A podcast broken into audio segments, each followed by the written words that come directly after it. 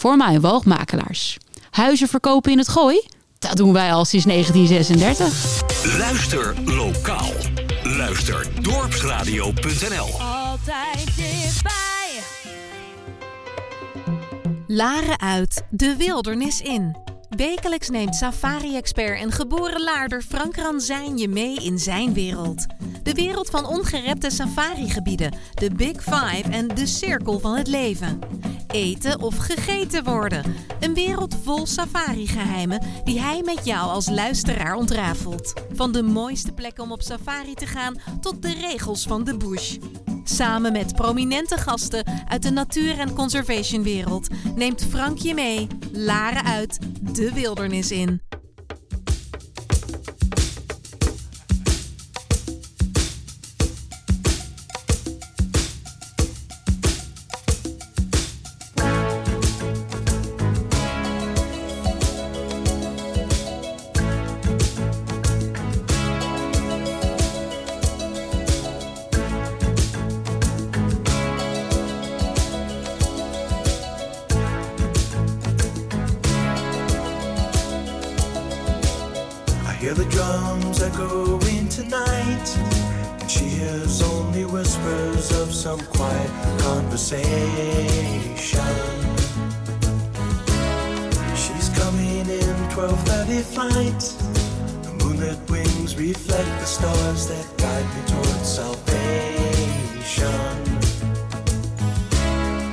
Stopped an old man along the way hoping to find some old forgotten words or ancient melodies. He turned to me as if to say,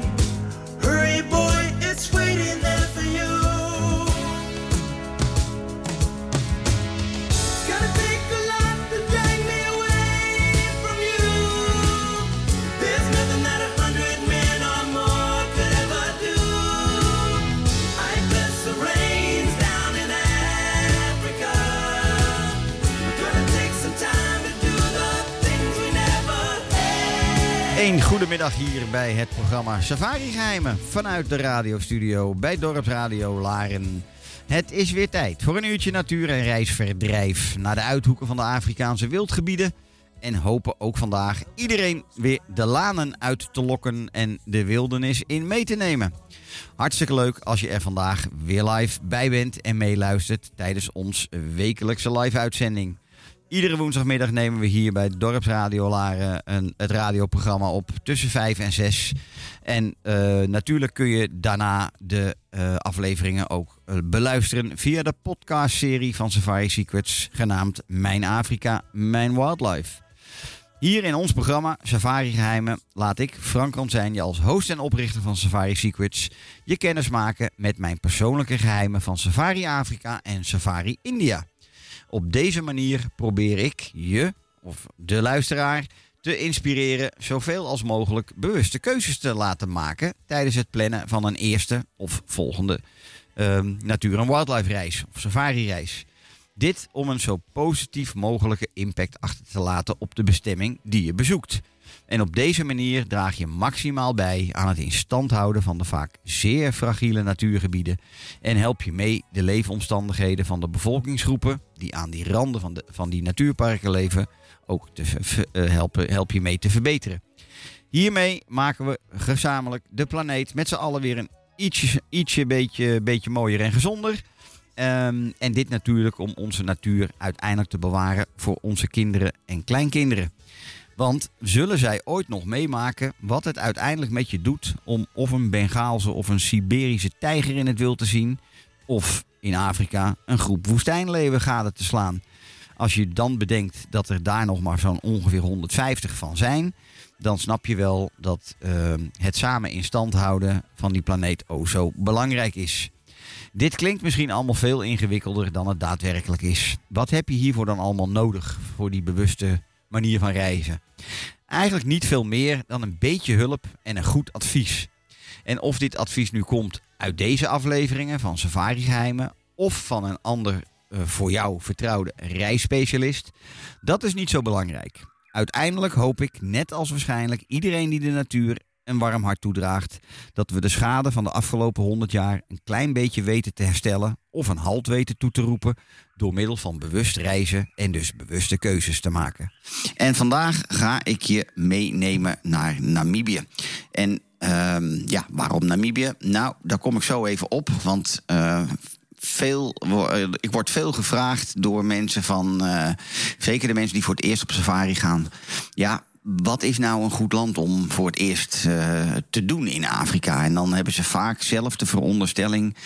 Volgens mij moeten we eerst naar Zuid-Afrika of eerst naar Kenia eh, of Tanzania. Eh, want dat, dat, dat is wat mensen dan in hun hoofd hebben: dat dat de makkelijkste landen zijn om eerst te doen in, in Afrika. Nou, dat zijn prima landen om te bereizen.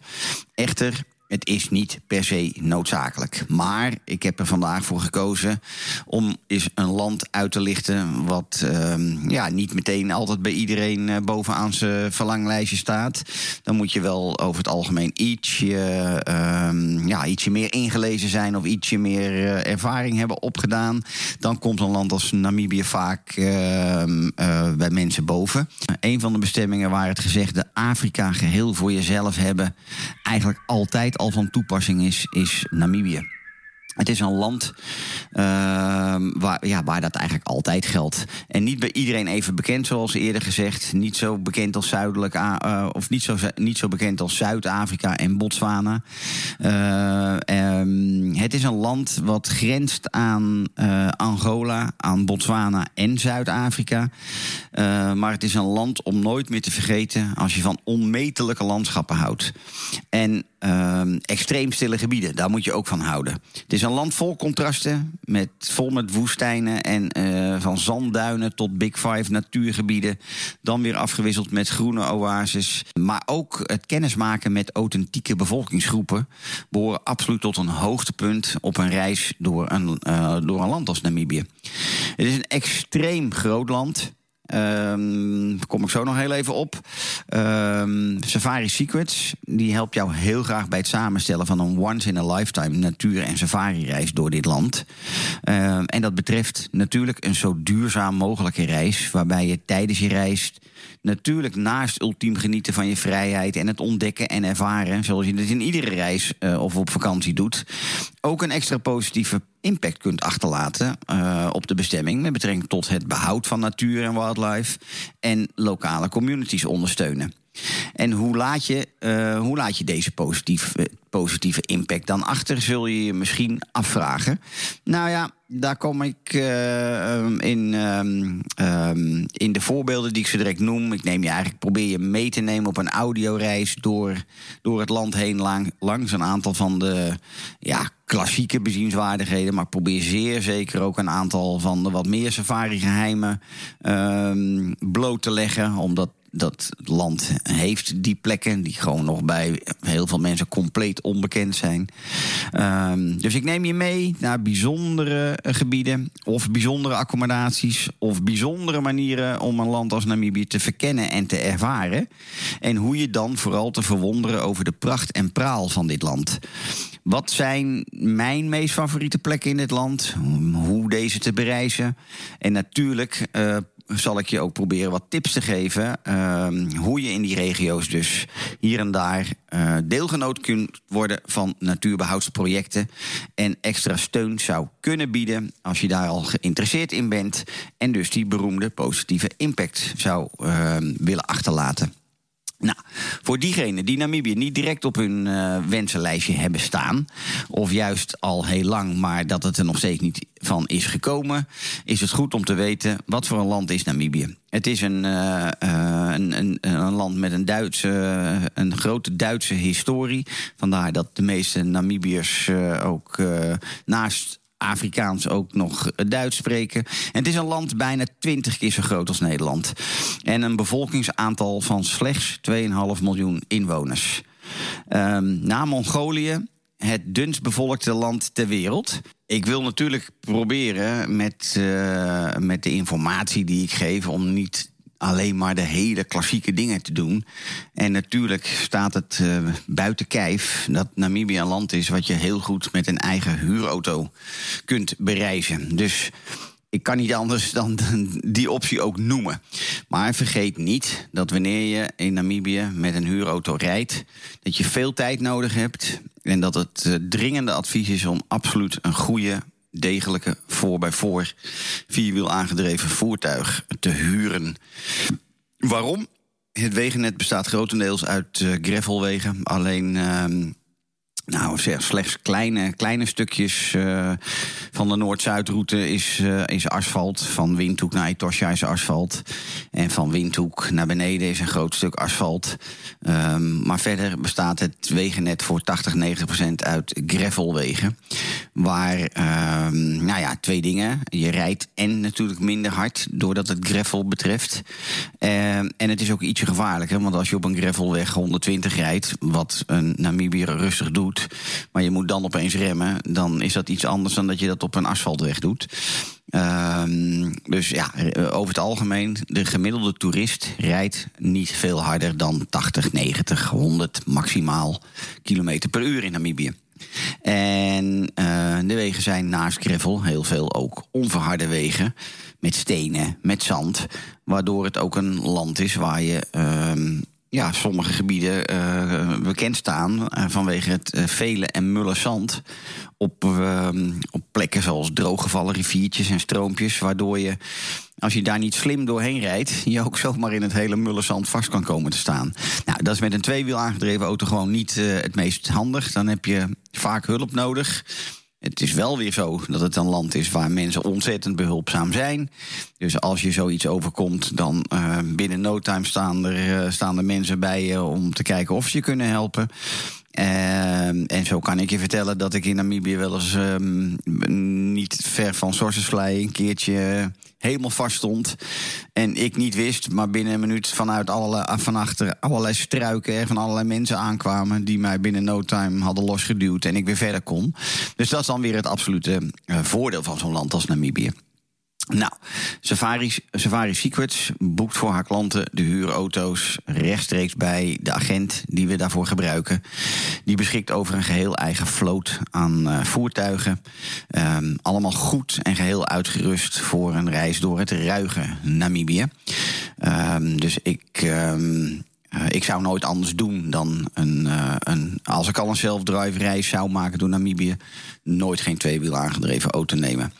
Maar goed, natuurlijk zijn er naast deze klassieke manier van reizen. Um, en wat ik al zei, het land is zo groot dat als je dan een rondje wil rijden met een aantal hoogtepunten, dan heb je in Namibië echt heel snel twee weken tijd nodig. En als je het een beetje goed wil doen, heb je eigenlijk zeker drie weken nodig. En dan nog kom je niet over het algemeen in, uh, in alle uithoeken. Uh, en zul je keuzes moeten maken in welke gebieden je zou willen bezoeken. Nou, natuurlijk is er een snellere manier van rondreizen. Uh, die is er altijd al geweest. Maar ehm, dat is natuurlijk gewoon de fly-in safaris. Waarin je met Cessna lijnvluchten van A naar B vliegt. Cessna vliegtuigjes kunnen zijn van drie seats tot twaalf seaters. Um, sommige mensen hebben daar schrik van. Um, is niet nodig, maar wel begrijpelijk. Hetzelfde als dat iemand hoogtevrees heeft of ja, angst voor uh, spinnen of wat dan ook. Niet iedereen voelt zich senang bij het uh, zitten in een Cessna vliegtuigje. Um, ik zeg altijd zo, het is een, een beetje gemotoriseerde fiets uh, door de lucht. Daar kan niet zo heel veel aan, uh, aan stuk. Um, ik heb ook in de meest, uh, meest bouwvallige Cessna's mogen vliegen in, in, in die 30 jaar. Um, ondanks dat dat ook tegenwoordig wel zo is dat de meeste hoe zeg je dat? Luchtvaartmaatschappijen op dit gebied met prachtig materiaal vliegen. Dus ik bedoel, het komt niet zozeer, het komt niet zo vaak voor dat je in hele oude kisten vliegt. Maar het heeft ook zijn charme soms als het wel zo is. En natuurlijk is vliegen met een Cessna vliegtuigje kostbaarder uh, dan met een huurauto. Maar het is natuurlijk ook gewoon een stuk sneller. Het voordeel is dat je op deze manier in een kortere tijd toch een aantal uh, ver uit elkaar liggende voor jou. Um, ja, favoriete of aansprekende plekken te bezoeken die je graag op je uh, of die je graag in je reis zou willen opnemen. En dan heb je inderdaad niet per se die drie weken vakantiedagen nodig. Nou, die Cessna-lijnvluchten hebben ook wel een nadeel. Je, buiten het feit dat het dus wat duurder is, ondanks dat dat niet overdreven veel duurder is, maar dat is een subjectief verhaal. Hè. Voor de een is dat wel, voor de ander is dat niet. Dus dat is altijd heel gevaarlijk om duur of duurder te zeggen. Maar je kunt lang niet altijd alle gebieden makkelijk met elkaar combineren. Ehm, want het zijn toch een soort taxicentrales door de lucht. En die sluiten lang niet altijd aan, eh, goed aan. eh, aan elkaar aan. Het voordeel van die vluchtjes is dat je bespaart gewoon heel veel tijd. En je ziet het land vanuit een compleet ander perspectief. Dat moeten we ook niet vergeten. Het is zeer spectaculair te noemen als je eh, vanuit een Cessna boven landschappen in Namibië vliegt. En natuurlijk, een deel van de tijd vlieg je ook zo hoog dat ehm, dat het het voordeel ook weer een beetje weghaalt. Ehm, dan moet je eigenlijk privé gaan vliegen, maar daar kom ik zo op. Ehm, maar dan nog, hè, er zijn bepaalde routes die staan er onbekend. Zeker bij start en landing. Eh, plus een stukje, eh, een stukje tijd van de vlucht dat men probeert dan niet zo hoog te vliegen. Waardoor je echt een waanzinnig overzicht krijgt van de landschappen waar je overheen vliegt. En die zijn spectaculair in Namibië. Zo heb ik een absolute aanrader om, zeker als je in, eh, aan de kust bent, aan de Atlantische kust, hè, nabij uh, en Swakopmund en Walvisbaai. Als je een van je transfers tussen, tussen twee gebieden Ehm, als je die door de lucht zou doen, dan heb je een van de meest waanzinnig mooie vluchten die er in Namibië eh, te zien zijn. Dus mijn advies is altijd: kijk of je, als je al niet gewoon een scenic vluchtje van een uur of zo zou boeken tijdens je reis, om een van je transfers eh, aan de kust, hè, van uh, zoals een naar Damara-land of terug, of soortgelijk, een van die transfers met een Cessna-vlucht te doen. Nou, dan is er in Namibië ook wel de optie om te reizen met een privé vliegtuigje, met een privé piloot. En dat is echt een hele goede optie. En nu zul je misschien denken: ja, lekker hoor, een privé vliegtuigje met een eigen piloot, dat is onbetaalbaar. Ja, dat is niet, uh, dat is niet zo. Uh, maar ik moet wederom weer zeggen: het is natuurlijk enorm subjectief. Um, wil je Namibië op een goede manier doen en op een, um, wat ik altijd maar noem, 4, 5 ster ervaringsniveau doen, dan hebben we het sowieso over serieuze, serieuze reissommen. Uh, dus het is niet voor de budgetreiziger, laat ik het, laat ik het zo noemen. En het is dus ook gewoon niet, uh, zeker niet goedkoop. Maar het is in relatie tot de kosten van een standaardvluchtje weer heel, uh, helemaal niet zoveel uh, meer aan, aan toeslag. en ook niet als je het vergelijkt met reizen in een voor bij voor onder begeleiding van een gids. Want dat is ook nog een mogelijkheid. Dat je niet zelf rijdt, maar dat je met een, een gids-chauffeur rijdt. En dan is privévliegen in Namibië absoluut een aanrader. En waarom? Uh, het is niet zo moeilijk. Uh, het land uh, is groot, zoals we al zeiden. En het kent heel veel bijzondere gebieden. En wil jij een aantal van die bijzondere gebieden aan elkaar knopen of met elkaar combineren? Wat ik al net eerder aangaf, het is niet allemaal combineerbaar met lijnvluchten, dan is dit echt de meest geweldige manier om het wel uh, in één reis te, te, passen. En het geeft je de absolute vrijheid qua planning van je reis, uh, qua tijden, omdat je privé vliegt. Uh, je kunt je eigen reistijden bepalen en hebt daarnaast ook nog eens een keer een extra gids tot je beschikking. Want die piloten die, uh, van die Cessna-kisten zijn vaak naast piloot ook gids. Beschikken over ontzettend veel kennis over hun land. En als je een aantal keer in je reis met dezelfde piloot vliegt, dan bouw je daar ook een band mee op. Uh, en op die manier heb je een, uh, ja, een extra toegevoegde waarde op het gebied van ehm, wat ze je kunnen vertellen. Namibië is een landschapsland vol woestijnen en halfwoestijnen. En berggebieden, panoramalandschappen die je eigenlijk gezien moet hebben om ook te kunnen geloven. En ik zeg altijd, groot wild is hier een bonus. Uh, maar als je weet waar je het wild moet zoeken, dan is er gek genoeg weer veel meer wild en veel meer aan dierenrijk te ervaren dan je misschien van tevoren zou denken. Um, en ik wilde eigenlijk eens even um, in eerste instantie uh, het lijstje noemen van waar is het land nou eigenlijk zo bekend om. Uh, en daar zitten dan klassieke onderdelen in en daar zitten mogelijkerwijs onderdelen in die helemaal niet zo bekend zijn. Maar goed, ik wilde jullie eens eh, voor de, diegenen die eh, luisteren en die geïnteresseerd zijn in een reis door Namibië, is door de highlights van Namibië lopen. Plus een aantal van de, ja, wat ik dan maar de safari-geheimen van zo'n land noem, die zeker niet iedereen eh, zal kennen. Ehm, het land is absoluut het meest beroemd vanwege Sossusvlei. De meest beroemde en hoogste rode zandduinen ter wereld. En waarschijnlijk ook wel het meest gefotografeerde regio van het hele land. En dat ligt, dat Sossusvlei is onderdeel van de Namib-woestijn. En dat, dat ligt dus eigenlijk aan de kustlijn die 2000 kilometer lang is. Van helemaal noordpunt, grens Angola, helemaal naar de zuidpunt. En ehm, de Namib-woestijn is een van die gebieden eh, alleen al waar je dagen in, eh, in rond kunt, eh, kunt dolen, als je dat zou willen. Met de hele beroemde plek um, met die rode zandduinen en Deadvlei. Ehm, een deel. ehm, die, een, deel van dat gebied waar ehm, ja, iedereen ook, elke toerist wel naartoe gaat als die al in Sorcersvlei is. Dune 45, heel beroemd, een van de hoogste zandduinen om die te beklimmen. En Sorcersvlei is eigenlijk onderdeel van het Namib Naukluft Park. En als je dat. Ehm, nou ja, als je dat weer verder onder de loep gaat nemen, dan zit er in, eh, in dat deel woestijn, helemaal aan de zuidkant, nog een, stukje waar ook veel mensen heel graag naartoe gaan. Dat zijn de verlaten spookstadjes in de, eh, in de, mijn, de mijnregio. Ehm, spookstadjes zoals eh Kolmanskop en Luderitz. Ehm, het is zeker niet een, eh, een regio waar, eh, waar heel veel toeristen naartoe gaan, omdat het ligt te veel uit de route.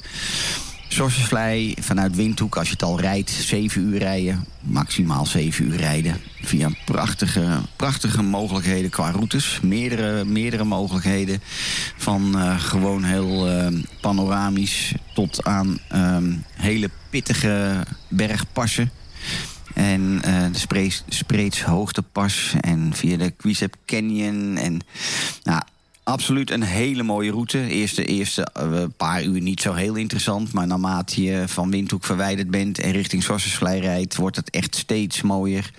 En ehm, ja, steeds meer bijzonder eh, ehm, om het wel met je huurauto te doen. Voor mensen die het inderdaad wat sneller willen doen... is het een ehm, uur, uur, anderhalf uur vliegen met een Cessna voordat je in Sorcersvlei bent. Nou, dit is een onderdeel, dat noem ik een klassiek onderdeel. Want eigenlijk denk ik dat van de 100 ehm, mensen er eh, 98 dit onderdeel in hun reis zullen opnemen. Het is waar het land beroemd om is. Een tweede, een, een tweede highlight en klassieker natuurlijk in het land ehm, is Etosha. Echter, ik wil een klein beetje de chronologische eh, volgorde nemen in hoe de regio's aan elkaar verbonden zouden kunnen worden. Je kunt eigenlijk twee kanten op. Je kunt ofwel vanaf Windhoek eerst naar Etosha, naar boven. En dan het rondje tegen de klok in doen. Om uiteindelijk weer in Windhoek uit te komen. Ofwel, je gaat in Windhoek starten.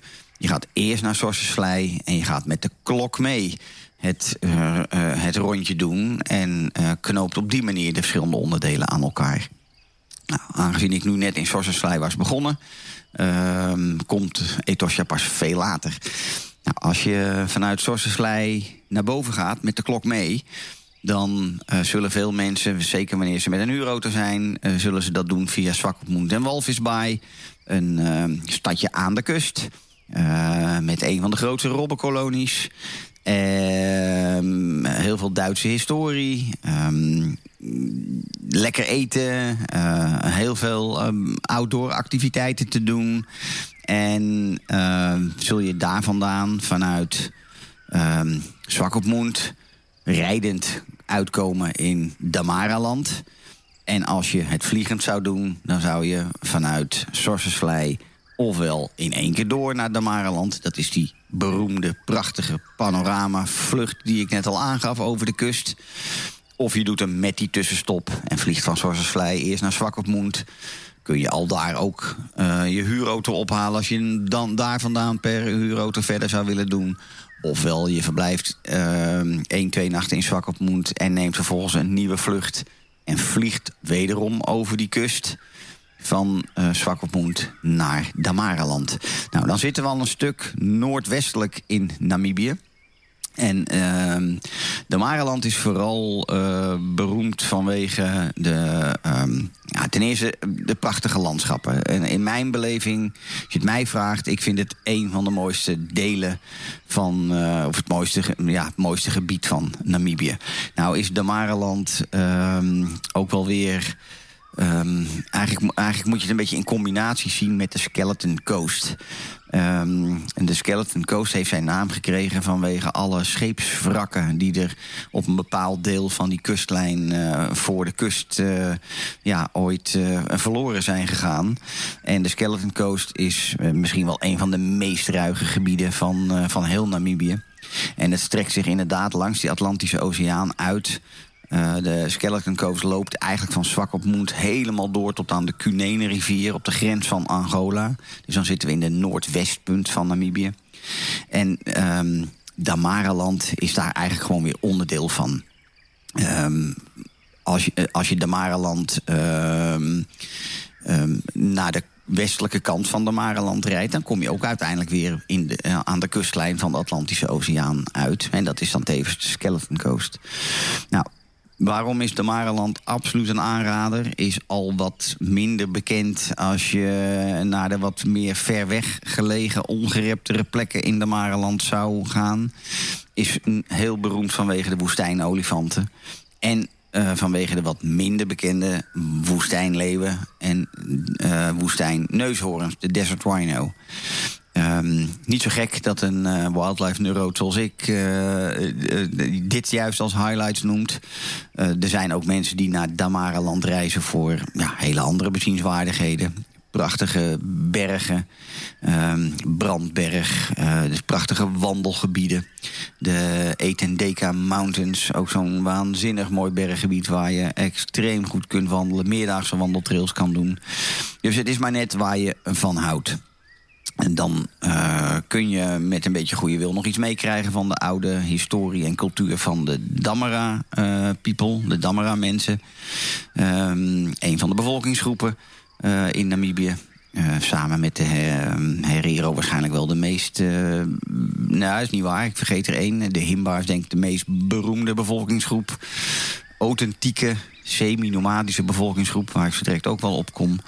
Ehm, maar goed, dus Damareland, waar veel mensen voor gaan... is om het vinden van die woestijnolifanten. Die woestijnolifanten die worden het meest gevonden... in drooggevallen rivierbeddingen... waar die olifanten graag ehm, ja, fourageren... en op zoek zijn naar water, ondergrondse waterbronnen... En ehm, ja, nogmaals, een van de mooiste delen van het land. Is heel herkenbaar en karakteristiek in kleur. Eh, het landschap wordt gekenmerkt door roesbruine kleuren. Ehm, en ja, als je eenmaal geweest bent, dan herken je dat eigenlijk op iedere foto, eh, op iedere Damaraland foto, dan zul je, dat, eh, zul je dat zeker herkennen. In deze regio zijn er ook een aantal van, eh, van de bijzondere conservation projecten, hè, natuur- en wildlife behoudprojecten, ehm, gevestigd. Die je zou kunnen bezoeken waar je betrokken, eh, een klein beetje betrokkenheid eh, mee kunt krijgen door het te bezoeken. Ehm, en inderdaad daar ehm, hopelijk wat extra steun aan te verlenen door middel van een donatie. Zodat je die, ja, die extra positieve impact achterlaat. Of voor het eh, onderzoek wat er eh, ge- gedaan wordt naar bepaalde dieren. Ofwel om de lokale community eh, te ondersteunen in het verbeteren van hun leefomstandigheid. Nou, de bijzondere projecten in die Damaraland-provincie. Die, eh, want Damaraland ook, hè, het is zo waanzinnig groot.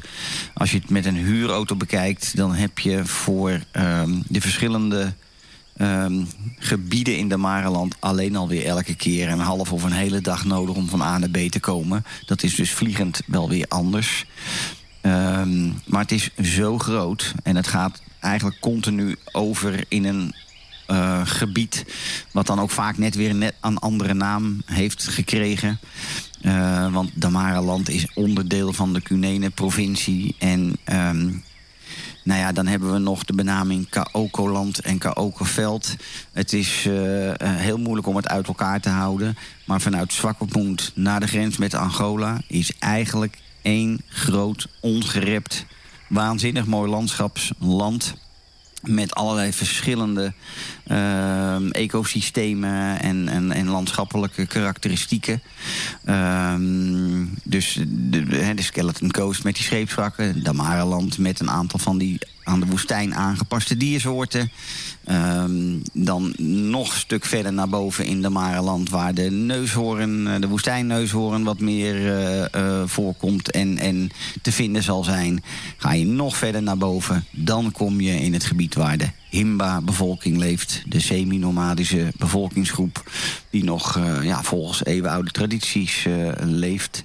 Ehm, en... ehm, ja, het is een bevolkingsgroep met zeer karakteristieke kleding, karakteristieke sieraden en, en volop lichaamsversieringen. En absoluut een aanrader om, uh, om eens mee in contact te komen of, met hun cultuur in contact te komen. Uh, en mede ook daar we niet weten hoe lang het nog zal duren voordat ook zij de eeuwenoude tradities zullen gaan loslaten. Want dat is hoogstwaarschijnlijk toch wel onvermijdelijk. Even terug naar die conservation projecten. Want in die hele regio Um, wat ik al zei, startend in de Mareland boven Swakopmund... Um, kun je een aantal be be bekende uh, projecten be bezoeken. Helemaal um, in de Hoanip-vallei uh, liggen een aantal safari-kampen. Hoanip Valley Camp. zijn er eigenlijk twee... En de ene uh, houdt zich wat meer... Uh, bij de ene is de Giraffe Conservation Foundation gevestigd.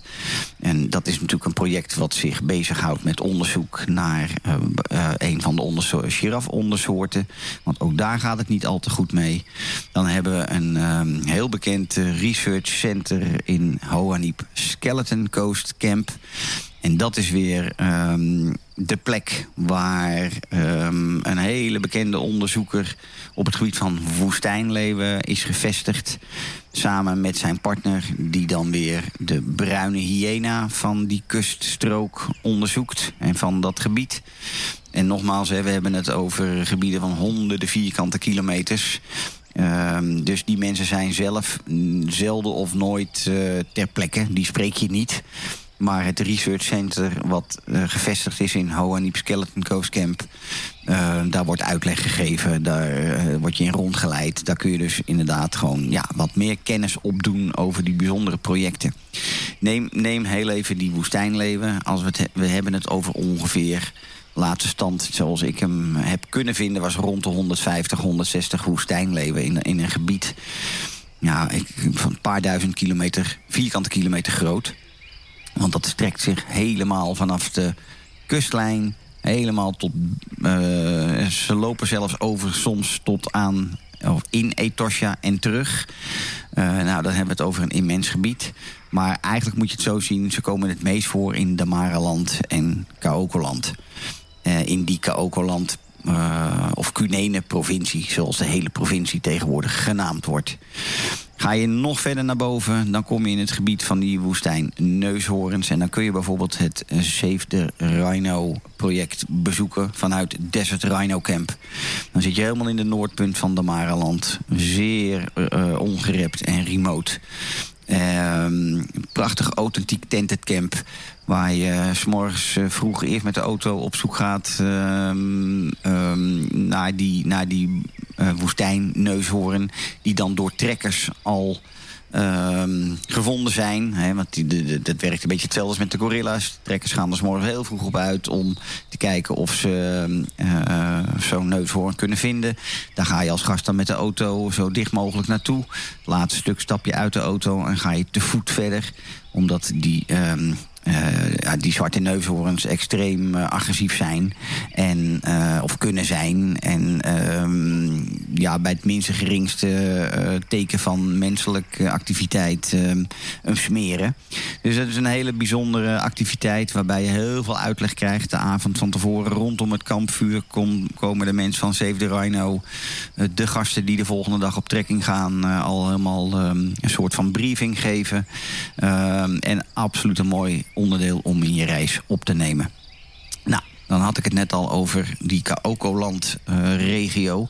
dat is de noordelijke helft van de Cunene-provincie. Dus dat is eigenlijk het deel boven Damareland. Ehm, en het is het, mm, de, de, de meest in het oog springende bezienswaardigheid. Al hier is de Cunene rivier. Dat is de grens tussen Angola en Namibië. En dat is een, een bizarre groene oase in dat woestijnland wat Namibië is. Ik ben daar bijvoorbeeld ooit een keer vliegend naartoe eh, gegaan. En dan vlieg je ten eerste nou, misschien wel een uur of anderhalf uur over wat ik altijd maar een ma enorm maanlandschap noem. Ehm, ik vloog vanuit Damareland eh naar, eh, naar de grens, naar, eh, naar de Cunene rivier. En als je dan op een gegeven moment dicht bij je eindbestemming landt... dan ga je nog een stuk in de auto op weg naar het kamp waar ik dan op dat moment verbleef. Best wel bekend kamp, Serra Cafema genaamd. Een zeer exclusief kamp. En dan, eh, ook dat is weer heel heuvelachtig en ehm, ja, ehm, ruig, grillig. Op een gegeven moment kom je boven op een heuvel en dan, dan kijk je naar beneden... en dan kijk je uit over een immens groene oase, wat dan die Cunene rivier is. Ja, en dat, ehm, eh, ondanks dat je weet dat die rivier daar ligt... kan je er geen voorstelling van maken. En is het absoluut een van de meest idyllische uitzichtspunten... waar ik in Afrika ooit, eh, ooit geweest ben. Ja, dit is ook de regio waar die Himba-bevolking eh, nog eh, zo authentiek eh, mogelijk bezocht kunnen worden. Ehm, hele kleine dorpjes met, ja, dat wisselt een beetje van hoeveel, maar gemiddeld denk ik tussen de, tussen de 10 en de 30 eh, ehm, ehm, mensen die dan in zo'n dorpje wonen. leven van hun vee. Eh, en een absolute aanrader om eh, ja, iets meer over hun cultuur, cultuur te weten te komen. Dan ehm, ja, zijn er in dat Kaokoveldgebied, in die regio, ehm, echt wel een aantal safari-geheimen die gewoon niet makkelijk toegankelijk zijn. Die echt eigenlijk hoofdzakelijk toegankelijk zijn, al, wel, eh, al dan vliegend ofwel met zeer bijzondere specialisten te bereizen.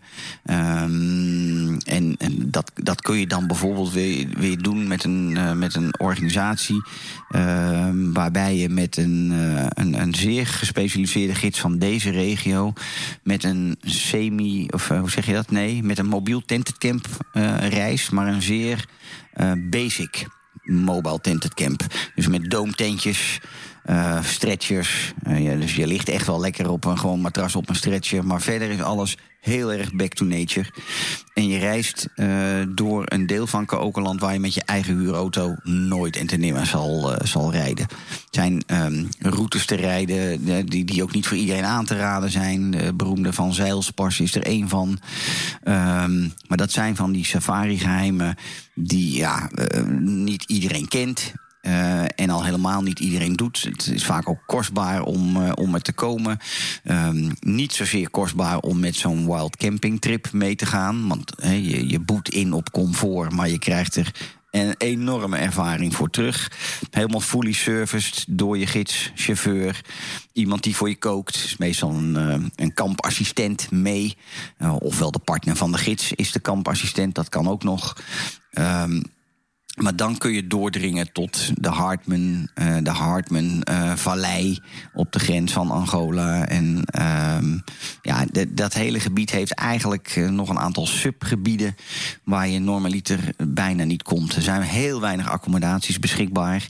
En de accommodaties die er zijn, zijn of extreem basic of zeer exclusief met een pittige nachtprijs. Ehm maar wat het gebied wel weer zo bijzonder maakt, is die verschillende, eh, die verschillende activiteitsmogelijkheden. Van het eh, rijden. Ehm, over, die, over die berglandschappen, eh, rotslandschappen. Je kunt quadbiken. ehm, eh, eh, er zijn duin, duinlandschappen. En dat quadbiken dat doe je over het algemeen weer niet in die duinen. Want dat laat sporen achter die 30 jaar later nog zichtbaar zijn. Ze gaan daar heel discreet om met, met hun natuur. En je kunt natuurlijk prachtige boottochten op de Cunene rivier maken. Ehm, dan is er in diezelfde regio ook nog een waterval, Epupa Dat is ook de plek waar het wat drukker is en wat eh, meer basic-achtige accommodaties eh, kent. Dus ja, natuurlijk is er voor iedereen eh, een, een mogelijkheid. Want waar we het nu niet over gehad hebben, zijn eigenlijk twee klassieke gebieden die er als we het met de klok mee reizen. Dan krijg je inderdaad, nadat je misschien iets hebt gedaan in Kokerland en aan de Cunene rivier, dan zou je als je verder reist met de klok mee, dan is je volgende stop Etosha. En Etosha is natuurlijk het Big Five Game Reserve van Namibië. Absoluut wildrijk en ook weer heel karakteristiek door de, de, de kleur, de kleurschakeringen van het park. Dat heeft alles te maken met de kiezelgrond, waardoor eh, als jij een foto ziet van Etosha, de, de, de grijze kiezel is altijd zo overduidelijk dat je bijna Etosha ook altijd herkent. Ehm, een, geweldige, een geweldig park om, ehm, ja, om ook eh, heel veel kans te maken op het zien van eh, neushoorns. Beroemd vanwege de grote waterdrinkplaatsen die, eh, die er in Etosha liggen. In de grote bungalowparken, drie stuks. ehm, Ehm, dat, is dan, dat zijn dan de meer basic onderkomens. Maar die zijn wel beroemd vanwege die waterdrinkplaatsen... waar je gewoon 24 uur eh, per dag kunt zitten, ook s'nachts. Omdat het gewoon ehm, ja, een soort beveiliging eh, heeft... waarin het wild niet bij jou kan komen en jij het wel kunt observeren. Nou, Etosha is natuurlijk zo'n klassieker eh, die weinig extra toevoeging eh, behoeft op dit moment. Ga je vanaf Etosha terug naar Windhoek, dan kom je nog door een ander mooi klassiek eh, of een ander gebied wat ook in de klassieke reizen eigenlijk altijd wel opgenomen is. En dat is het Waterbergplateau. Waarom ik het toch even noem, omdat het Waterbergplateau absoluut landschappelijk een prachtig gebied is. Geweldige wandelopties, maar ook hele mooie conservation projecten. Ehm, als je hier eh, zou overnachten of een stop zou maken, dan kan ik je vooral aanraden om of een bezoek te brengen aan het Cheetah Conservation Fund. Ehm, jaren geleden ook heel veel op tv geweest bij een van de natuur, bij de natuurkanalen. Ehm, een, dame die dat al jarenlang eh, runt en waar je rondleidingen kunt krijgen in een prachtig natuurgebied. En dus ja, uitleg krijgt over de onderzoeksprojecten rondom die cheetahs. En een hele beroemde, ook heel veel op tv geweest, jaren geleden, want de laatste tijd zie ik het niet zoveel meer op tv, ehm, is de Africat Foundation bij Okonjima. En Okonjima ligt ook op het Waterberg, eh, in de nabijheid van het Waterbergplateau. En dat is een, ehm, een Big Five Game Reserve inmiddels, waarbij Africat um, probleemcheetahs opvangt en weer terug uitzet. eh, boeren bewust maakt om ze niet dood te schieten, maar ze te vangen in speciale kratten. Zodat Africat ze komt halen en ze weer eh, gaat uitzetten in ja, de- delen van Namibië die zeer, eh, ehm, zeer weinig bevolking kent.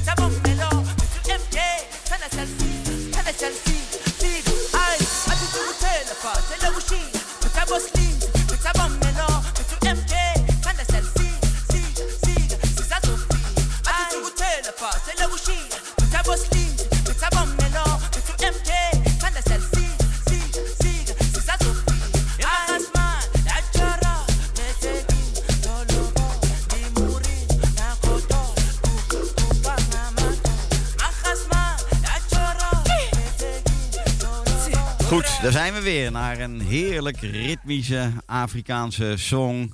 En ehm, goed, we hebben nog een paar minuutjes over. En in het kader van juiste keuzes maken tijdens het plannen van een mooie natuur-wildlife reis of safari-reis. En het fenomeen waar ik eigenlijk altijd wel over spreek. Hoe kun je nou Afrika voor jezelf hebben? Wil ik hier graag nog een voorbeeld van schetsen.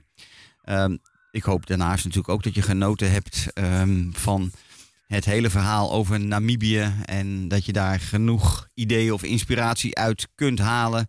ehm, tijdens ehm, het eventueel plannen van een eh, mooie reis door dat waanzinnige land. Nou, het voorbeeld wat ik gewoon heel even wil aanroeren. Dat komt eigenlijk ook omdat ik van de week weer een foto voorbij zag komen. Zo kun je bijvoorbeeld prachtige, mooie safaris maken in de Masai Mara van Kenia. Daar was ik in december zelfs nog. Ehm, en in het openbare game reserve van de Masai Mara, dus de niet-privé grondgebieden, de conservancy zoals ze die noemen, daar kun je met een beetje geluk en soms wel eens een cheetah spotten. Nou, want er zijn er steeds minder, hè, dus ook het vinden van cheetahs is tegenwoordig echt niet zo heel makkelijk. Maar in, 9, of in 80, 90 procent van de gevallen zullen er dan, als je zo'n cheetah spot in het openbare deel van de Masai Mara, zullen binnen 5, tot 10 minuten, weet ik zeker, kan ik mijn hand voor in het vuur steken, 10 tot 40 voertuigen om, omheen staan. Om een ehm, single cheetah, een, een, een- dus één, één exemplaar. Is dit dan de ervaring die je wilt? Vraagteken, denk ik dan. Ehm, denk je dat dit gezond is voor die ene cheetah? Nou, met elkaar geven we in deze situatie namelijk zoveel druk op de natuur en op die bewuste cheetah, dat deze in de loop der tijd zijn haar natuurlijke gedrag ehm, door die toenemende drukte in dit soort openbare nationale eh, parken is gaan aanpassen. En in plaats van dat een cheetah gewend is, hè, van oudsher, eh, eh, het gedragspatroon van een cheetah is dat ze overdag jagen bij daglicht. eh, op die vaak grote grasvlaktes in de Mara en de Serengeti. Ehm, maar door die enorme toename in drukte en dus de toenemende druk op natuurlijk behavior, op natuurlijk gedrag moet ik zeggen op z'n Hollands, ehm, zijn ze gewoon steeds vaker s'nachts gaan jagen in plaats van overdag. Want s'nachts is die druk er niet. Nou, dit zijn ontwikkelingen die natuurlijk gewoon helemaal niet goed zijn. Wat kunnen we daar dan aan doen? Nou, toerisme zorgt er helaas soms niet voor eh, dat het zichzelf eh, reguleert. Dat kan alleen maar door eh, regelgeving vanuit eh, overheid en, en, en et cetera. Ehm, dus vandaar dat er naast die openbare nationale parken steeds vaker privéconcessies zijn opgericht, gesticht, eh, gevormd, eh, aangewezen. Waarin eh, inderdaad bepaalde grote stukken grond met maar één of twee of drie of vier of vijf safarikampen daarin gebouwd. Met daarbij ook weer de regelgeving van er mogen in deze concessie, let's say, niet meer dan acht of zestien voertuigen rondrijden. Ehm, vaak dan ook nog in toegekende regio's, zodat men niet al te veel eh, grondgebied overlapt. En dus die druk op die cheetah eh, op die manier niet eh, aan de orde komt. Dus dat is één. En een andere mogelijkheid is dat je als reiziger een bewuste keuze zou kunnen maken. Om je vooral gewoon goed te laten informeren waar je die cheetah misschien ook kunt spotten. En waar er dus wel regelgeving is om met bijvoorbeeld niet meer dan drie voertuigen tegelijk bij zo'n cheetah sighting te staan. Of te kiezen voor een gebied waar je Afrika dus nog geheel voor jezelf hebt.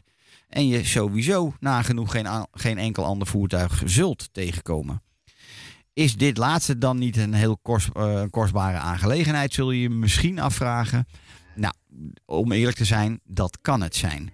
Wanneer je voor de zeer exclusieve grondgebieden kiest, eh, dan, dan is dat vaak ook meteen betekent dat dat zo'n overnachtingsplek ook kostbaar is. Nou is kostbaar natuurlijk weer een heel relatief begrip, want dat bepaalt iedereen voor zichzelf. Maar goed, eh, laten we eh, een beetje generaliserend zeggen, dan is dat vaak wel kostbaarder. Maar ehm, er is ook een advies denkbaar waarbij, waar, waarbij de ervaring 5 ster plus blijft, maar de prijs misschien een redelijk geprijsde 3, 4 ster prijs betreft. En daarvoor heb je dat goede advies nodig van de eh, kenners op dit vlak. Die weten waar je moet wezen. Die de plekken kennen en de overnachtingsplekken, de safari-kampen kennen. En dus ook weten wat de prijzen daarvan zijn. Ehm, en het verschil, als je voor dit soort keuzes eh, kiest, hè, het maken van bewuste keu- keuzes, is echt een veel betere ervaring. En veel belangrijker nog, een veel betere leefomstandigheid voor die cheetah om zich compleet natuurlijk te gedragen en voor te planten. Nou, tot zover mijn misschien wat moralistische verhaal. Echter een verhaal waarvan ik overtuigd ben dat het ehm, belangrijk is en waar ik er nog wel duizend van kan vertellen. Wil jij meer van dit soort inside information verhalen horen? Dan hoop ik je eens te spreken. En ik zeg dan ook altijd, laten we eens praten. Nou, dat kan op verschillende manieren. Eh, je kan ten eerste een eh, e-mailtje sturen naar info.safarisecrets.nl. Ehm, je kunt me gewoon bellen op 06 24 732 882. Je kunt een contactformulier invullen op de website www.safarisecrets.nl. Je kunt een inspirational walk and talk in de park of op z'n Hollands een inspiratiewandeling in de Nederlandse natuur eh, reserveren. Gaan we een heerlijk een uurtje aan de wandel op eh, de Gooise Heide of waar dan ook. En ehm, ja, hoor ik je heel graag uit over je wensen, je verwachtingen, je dromen. Eh, en gaan we aan de hand daarvan verder met het samenstellen van een 100% op maat gemaakte reis. Ehm, en tot slot kan, kan je ook afspreken op elke andere locatie. Hè. Gewoon lekker gezellig thuis aan de keukentafel met een eh, lekker bakje koffie of een eh, klein glaasje. Mag ook. Ehm, uiteindelijk kan ik alleen maar zeggen, als Afrika reisspecialist ben ik nu inmiddels 28 jaar werkzaam als reisontwerper op het gebied van natuur en wildlife reizen. En ontwerp ik, zoals ik zojuist al zei, 100% op maat gemaakte safari reizen. Ehm, en die reizen, die hoeven niet alleen uit safari te bestaan. Die kun je ook heel goed combineren met een heerlijk strandverlenging of strandverblijf. Om na je intensieve safari heerlijk te ontspannen op een van de eilanden voor de kust van Afrika. Of in de Indische Oceaan. Denk hierbij gewoon aan de beroemde, prachtige mogelijkheden om je safari te combineren met een verblijf op Mauritius of op de Seychelles of op de Malediven. En als je het ietsje dichterbij wil zoeken, als je dan toch al in Kenia of Tanzania of Zuid-Afrika op reis bent, eh, Kenia, Tanzania moet ik dan nu zeggen, eh, dan kun je dit ook prima combineren met de eilandjes die daar voor de kust liggen. Met die mooie sprookjesachtige aansprekende namen Zanzibar, Mafia, Pemba. Ehm, of natuurlijk een heerlijk mooi strandverblijf aan die enorme kustlijn van Mozambique. Nou, al met al dus, nog eens een keer herhalend wat Safari Secrets doet. Ehm, en wat we in dit programma proberen te doen, is de reiziger vooral te inspireren en om overwegingen mee te geven wat wel en niet is. Ehm, nou ja, ehm, eh, te overdenken eh, om wel of niet in je reis op te nemen. Wil jij dus meer afleveringen terugluisteren van dit programma Safari Geheimen? Dan kan dat dus live, maar dan kan dat dus ook via de podcastserie Mijn Wildlife, Mijn Afrika. Ik zeg, het was het weer, dit was het weer voor vandaag. Met dank aan de technicus van dienst, zoals ik bijna kan zeggen iedere week, Rob de Bruin. Ik wens iedereen weer een hele mooie avond toe. En volgende week gaan we weer vrolijk, vlieren, fluitend verder met een nieuw verhaal. Fijne avond.